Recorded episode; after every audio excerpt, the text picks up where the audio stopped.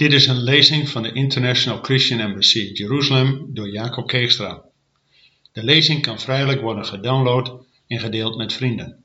Mocht u deze lezing op prijs stellen, de Christelijke Ambassade blijft afhankelijk van giften. Geniet van de lezing. Gemeente, ik heb een uh, steen meegenomen. En daar wil ik u zo wat over vertellen.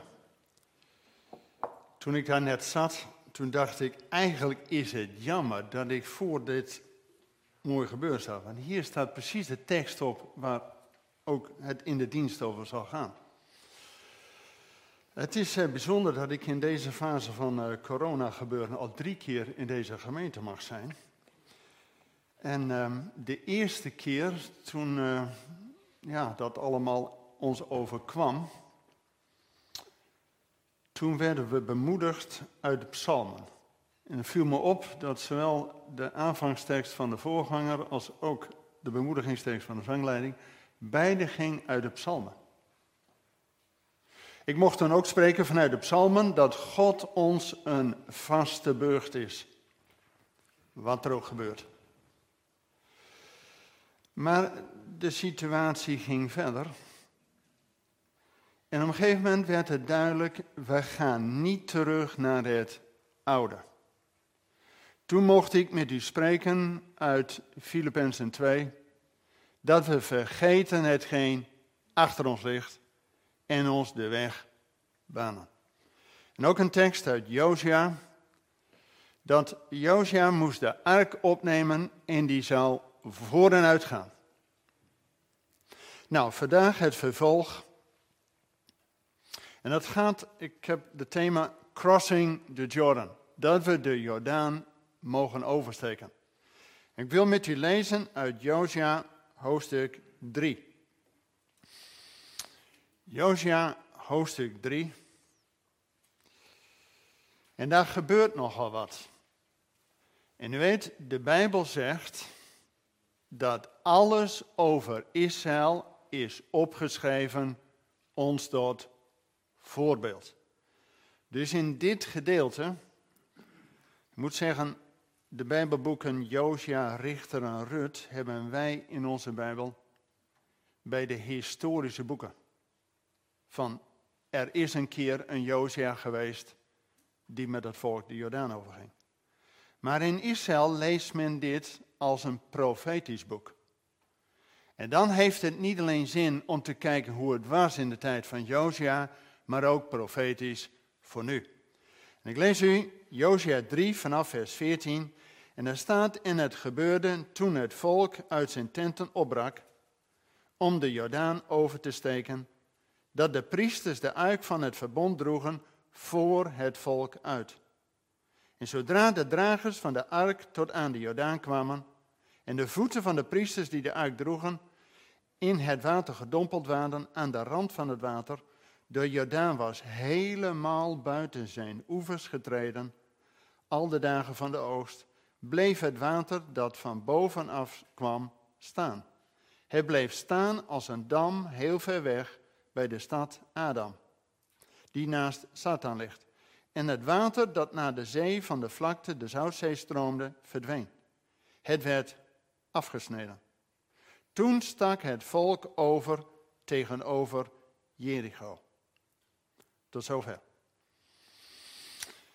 Mensen, God wil door zijn woord ons bemoedigen, maar ook een nieuwe weg wijzen. En als we in dit gedeelte lezen dat Josia werd al voorbereid en het volk ook om een stap te zetten. Nou, daar heb ik de vorige keer met u over mogen nadenken. Maar nu wordt de daadwerkelijke actie uitgevoerd. En het is heel typisch dat precies dit gebeurt op een cruciaal moment. Dat zullen we zo lezen. Maar eerst in die voorbereiding dat men, ja, men wist al zoveel jaren daarvoor, 40 jaar daarvoor, dat God hen niet in die woestijn wou laten, maar het beloofde land in wou brengen. Alleen die generatie die de uittocht uit Egypte had meegemaakt, was niet in staat om te geloven dat God hen in het beloofde land zou brengen. Men zag allemaal apen en beren en uh, reuzen en weet ik wat. In ieder geval vol ongeloof moest dat die hele generatie 40 jaar in de woestijn blijven. Tuurlijk, God ging met hem mee. Zelfs zodanig dat God in alles voorzag. Hij gaf ochtends manna, ze hoeft alleen maar op te rapen, en s'avonds kwartels vlees. En er staat in de Bijbel, hun klederen waren niet versleten, noch hun voeten gezwollen. Dus God voorzag. En ze gingen van oase tot oase. Maar ze waren daarin nomaden. God voorzag. Prima dat we als groepje bij elkaar zitten. Maar ze waren, let wel, vreemdelingen en bijwoners. En dan met die nieuwe generatie geeft God een nieuwe leider, Joshua. En dat is dezelfde naam in het Hebreeuws als Yeshua, God redt, die hen wel het beloofde land inbrengt. En in die overgang willen we vandaag nadenken in een paar cruciale elementen. Het is precies 40 jaar na de uittocht. En 40 in de Bijbel is iedere keer een getal, een periode van afsluiting en van nieuw begin. En dan, zodra ze de Jordaan zijn overgestoken, moesten ze allemaal een steen, twaalf stenen namens de twaalf stammen, uit de Jordaan meenemen. Als een gedenksteen wat God had gedaan. Zodat volgende generaties herinnerd werden als ze die, dat altaar van stenen zagen. Wat heeft de Heer toen gedaan? Nou, we hebben thuis een hele serie van deze stenen met allemaal uh, teksten erop. Dat zijn voor ons gedenkstenen geworden in de weg die God met ons gaat. En dan heel bijzonder, voordat ze het beloofde land echt gaan innemen, Jericho verslaan, Goliath, noem alles maar op, gebeuren er eerst nog een paar cruciale dingen. En dat wil ik met u lezen. Dat staat direct in het verlengde, Jozua 5. En dan vanaf vers 7. Als ze eenmaal door de Jordaan zijn gekomen in het beloofde land en daar ieder een gedenksteen hebben meegenomen, dan gebeuren er nog een paar bijzondere dingen. Want God had gezegd, ze moeten gaan strijden. Ze moeten het land gaan innemen. Dus ze moeten van een verdedigingsvolkje naar een aanvallende groep. Van bijwoners naar bewoners. Van vreemdelingen tot huisgenoten. Alleen er gebeurt er iets heel bijzonders. Er staat in Josia 5 vanaf vers 7. Maar hun zonen heeft hij in hun plaats gesteld. Dus die eerste generatie uit ongeloof kon ze de belofte van God niet innemen. Maar er komt een nieuwe generatie die een nieuwe kans krijgt. En dan staat er, Josia heeft hen besneden. Omdat zij de vooruit hadden, want zij hadden hen onderweg in de woestijn niet besneden. En het gebeurde toen zij het besnijden van heel het volk vertooid hadden, dat zij op hun plaats bleven in het kamp tot zij genezen waren. Verder zei de Heer tegen Josia, vandaag heb ik de smaad van Egypte van u afgewenteld. Daarom gaf men die plaats de naam Gilgal, tot op deze dag. En terwijl de Israëlieten in Gilgal hun kamp hadden opgeslagen, hielden zij het Pascha op de veertiende dag van de maand in de avond om de vlakten van Jericho. Zij aten de dag na het Pascha van de opbrengst van het land. Ongezuurde broden, geroosterd graan, op diezelfde dag. Het manna hield de volgende dag op, nadat zij van de opbrengst van het land gegeten hadden. En de Israëlieten hadden geen manna meer, maar ze aten in dat jaar van de opbrengst van het land Canaan. Mensen, er is voor het volk van God, zodra ze de Jordaan zijn overgestoken en willen gaan staan in de belofte van God, geen weg terug. En voordat ze dat beloofde land gaan innemen en Jericho gaan veroveren en Goliath gaan verslaan, mensen, de corona is nog niet verslagen. Maar hier leren wij een paar principes. Josia gaat eerst besnijdenis doen. Dus afrekenen met het vlees. En als ze dan moeten gaan vechten, nou forget it. Jongens, je bent, als je besneden bent, niet in staat iets te doen. Dus, het is niet op eigen kracht dat ze dit kunnen.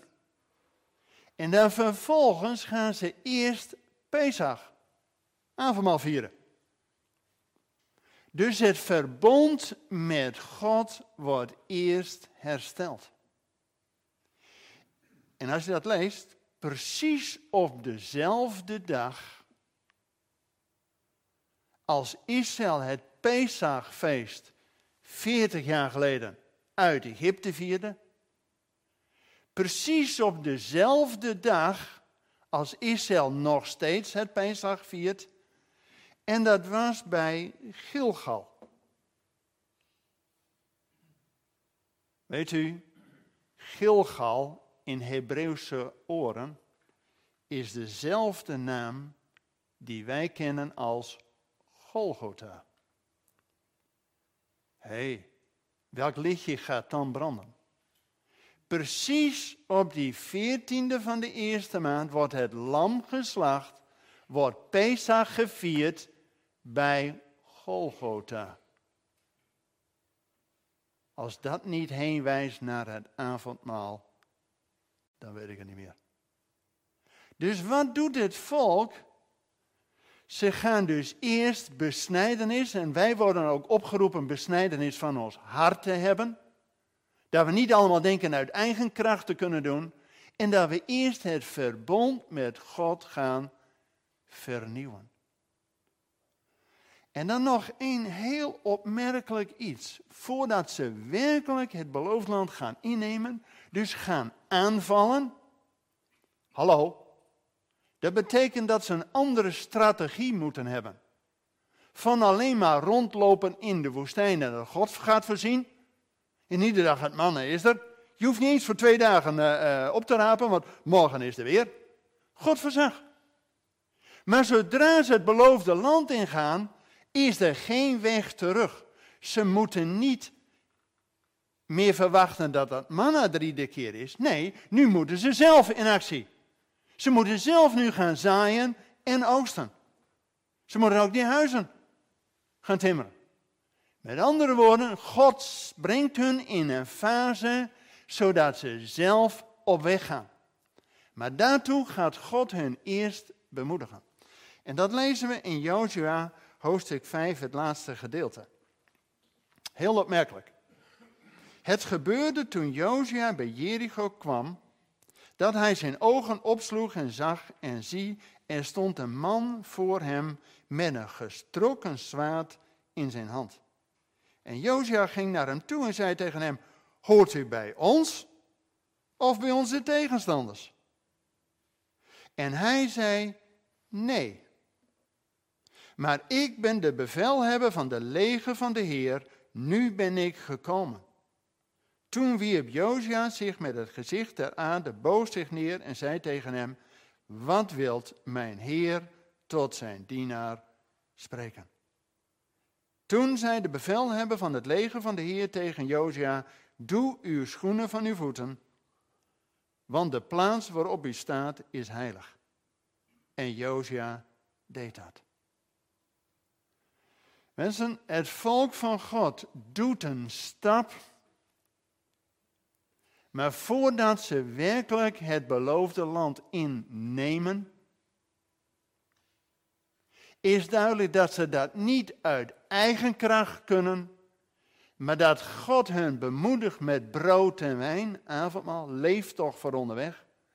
En dat het de bevelhebber van het leger van God, hè. Hallo, dit is niet zomaar even wat.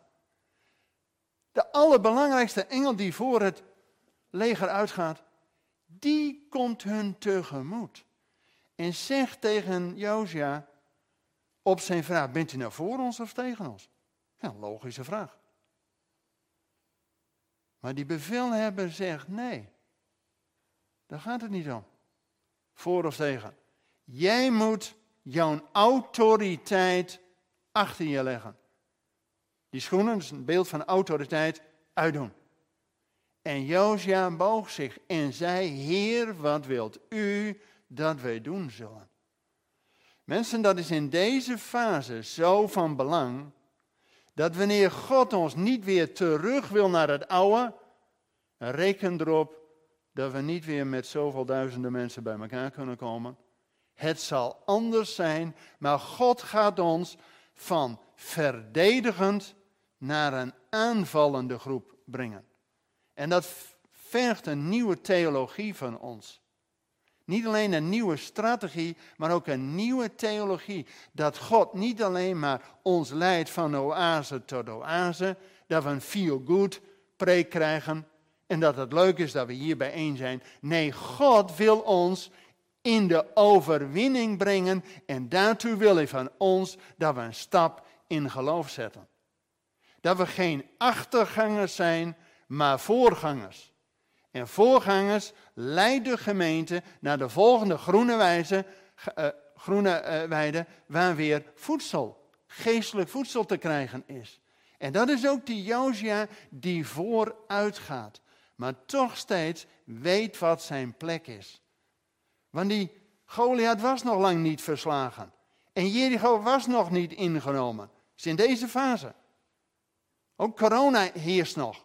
Maar God wil van ons een stap in het geloof dat we de Jordaan oversteken, niet terug naar dat oude, en dat we het verbond met Hem vernieuwen en dat we niet alleen maar afwachten, Heer, wat gaat U doen? Nee, God wijst ons die weg en wil dat we daarin ook gaan wandelen. Maar weet u, een tekst uit het Nieuwe Testament, waar me deze week zo nabij is gekomen, is uit Hebreeën. Hebreeën 6. Laten we daarom het eerste onderwijs met betrekking tot Christus laten rusten. En doorgaan tot de volmaaktheid, zonder opnieuw het fundament te leggen van bekering van dode werken en van geloof in God. Van de leer van de dopen, van de handoplegging, van de opstanding van de doden en van het eeuwig leven en oordeel. Dat zullen wij ook doen als God het toestaat. Want het is onmogelijk om hen die eens verlicht zijn geweest, de hemelse gaven geproefd hebben en deelgenoot zijn geweest en geworden van de Heilige Geest, die het goede woord van God geproefd hebben en de krachten van de toekomende eeuw. En we gaat erom dat wij, en dat staat al iets eerder in hoofdstuk 5, dat wij vanuit de, van de melk naar de vaste spijzen moeten gaan. Mensen, dat betekent dat we ook als gelovigen, die het beginsel van de melk, dat we bekeerd moeten worden, gedoopt moeten worden, vervuld moeten worden met Gods geest, is het begin. Is het eerste onderwijs. Geweldig. Niks negatiefs over. Maar God wil dat we nu naar de vaste spijzen gaan. Dat we een stap verder gaan en in het profetische woord van Hem gaan staan. En daartoe vandaag die oproep met het volk van God, dat we die Jordaan oversteken, vernieuwing met het verbond, dat God voorziet. Leef toch voor onderweg. En dat God ons, ja, die strijden van de hemelse machten, dat die werkelijk voor ons gaat als we onze eigen autoriteit en onze eigen kracht en macht afleggen. Zodat we werkelijk gaan in de kracht van Hem en geleid worden door de geest van God. En dan denk je, nou, hoe gaat dat dan? Josia werd tot drie keer toe, en die was toch de leider, was gezalfd, was de leider van het volk. Hij werd tot drie keer toe door de Heer bemoedigd en opgewekt met dezelfde tekst. Wees sterk en moedig. En hij kreeg die visie van God dat al die beloften die God had beloofd, zijn uitgekomen. En hij doet een stap. Hij zegt heel duidelijk, ik en mijn huis, wij zullen de Heer dienen. No matter what. Ik en mijn huis, wij zullen de Heer dienen. En dat is voor hem als gezin. Maar hij weet ook, en dat lezen we ook in het Nieuwe Testament, dat hij mag uitstappen in het geloof. En daden van geloof doen. Die Yeshua in het Nieuwe Testament, Jezus, zegt tegen ons, wanneer wie geloof zal hebben en gedoopt zal zijn, zal zalig worden. Amen. Nou, neem aan dat dat in deze gemeente basis is. Maar dan, nu stap 2. En hen die geloof zullen hebben, zullen, zullen deze tekenen volgen. In mijn naam zullen zij demonen uitdraven. In vreemde talen zullen zij spreken. Slangen zullen zij oppakken. En als zij iets dodelijks zullen drinken, zal het hen beslist niet schaden. Op zieken zullen zij de handen leggen en ze zullen gezond worden. Mensen, dat is een stap verder. Dat we uitstappen in geloof en grote daden met God mogen en zelfs moeten doen. Het is zo angstvallig stil in de kerken nu, hè, met deze crisis. We laten ons helemaal naar beneden drukken. We mogen maar met 30 mensen bij elkaar komen. We mogen niet eens zingen. Misschien wil God dat we eens een keer vanuit die verdedigingsrol in de actieve fase komen. God en Jezus zegt, wij zullen deze dingen doen. Betekent dat we ons moeten uitstrekken daarin. En dat niet alleen voor onze naasten wat zichtbaar is, maar ook om te eindigen met weer de psalmen. Er staat in de psalmen dat wij als gemeente een taak zelfs voor dit land hebben. Er staat in Psalm 2, vraag mij dan en ik zal volkeren geven tot uw erfdeel. Wauw. Net zoals het volk van God met Josia het beloofde land in moest, al die andere volken moest verdrijven, zodat zij het erfdeel in bezit konden nemen, wat God hun al lang had beloofd. Maar die vorige generatie was door ongeloof niet in staat om dat uit te voeren. Mensen, ook vandaag weer de keuze aan ons. Laten we ons iedere keer weer terugdringen naar dat kleine plekje waar het leuk en veilig is. Of dat we met God die Jordaan oversteken en dat de bevelhebber van de hemelse legers voor ons uitgaat en dat we een taak in deze gemeente hebben. Alleen, dat kan niet zomaar. Voordat er in actie gegaan wordt, en dat zien we ook bij Josia, voordat hij Jericho gaat uh, innemen en voordat een Goliath wordt verslagen, is het duidelijk dat hij verontmoediging heeft. Dat hij voor Gods aangezicht gaat staan en maar één vraag heeft. Heer, wat wilt u dat ik doen zal? Mensen, zullen we daar eerst voor bidden? En dat we het niet omdraaien. Dat wanneer u in fases bent van, nou, laat ik zeggen, misschien zit u in een scheiding. Dat u denkt, oh ja, die voorganger heeft gezegd, moet nieuwe wegen opgaan, dus uh, laat ik maar doorgaan met die scheiding. Dat is niet wat God zegt. Dus verdraai uw situatie niet. Daarom ook uw eigen autoriteit aan de kant. Zodat we werkelijk afgestemd mogen worden wat de Heer van de hemelse legers ons wil zeggen. En dat we in zijn wegen gaan wandelen. Mensen, God heeft een plan met ons. Niet dat we terugtrekken op veilige havens, maar dat we de beloften die God heeft voor ons, dat we als kerken en gemeentes nu een stem hebben in deze tijd. Mensen zitten daarop te wachten. En anders krijg je allemaal oorlog. Nu, nu, nu, eh, afgelopen week. Er is een hoop onrust en oneenigheid en verdeeldheid. De wereld wacht op het openbaar worden van de zonen en dochters van God. Maar als wij in onze schuilplaats ons terugtrekken, hebben wij geen woord voor deze wereld. De wereld is geen hoop. Daarom ziet men naar ons voor een woord van hoop. En wij hebben een heel boek vol met beloftes, maar God kan het allemaal alleen. Maar wil ons gebruiken om die beloftes uit te werken. Zullen we daartoe eerst gaan bidden? Mag ik u voorgaan in gebed? Vader in de hemel, het openen van uw woord verspreidt licht. Heer, we hebben zo de inwoning van uw Heilige Geest nodig om te weten waarop het aankomt. Wat u in deze fase van ons wil. Heer, dat we uitstappen in geloof. Heer, en daartoe wilt u ja, uw verbond vernieuwen. Dat zelfs de Heer van de hemelse legers voor ons uit wil trekken. Heer, en dat we geen bijwoners en vreemdelingen meer zijn, maar inwoners. Heer, dat we het land en de beloften gaan innemen. Dat we samen met Jozef zeggen, ik en mijn huis, wij zullen de Heer dienen, wat er ook gebeurt. Heer, dat we ook pleiten voor deze stad en ook voor ons land.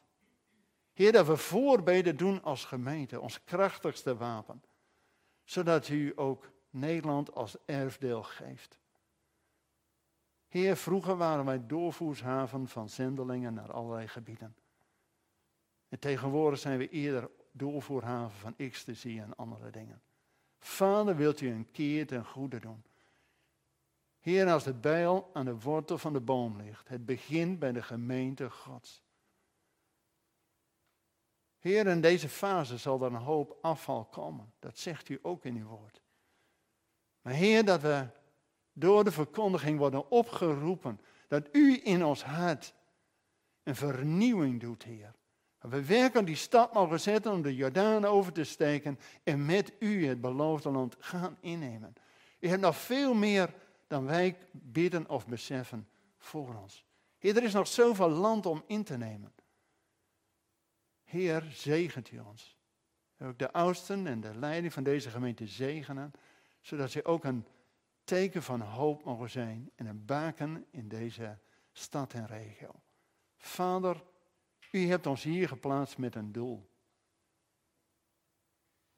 En dat we waardig zijn de roeping die u ons geeft, Heer. Dat je ons zou zegenen in de naam van Jezus onze Heer. Amen. Amen. Ik geef het graag weer over.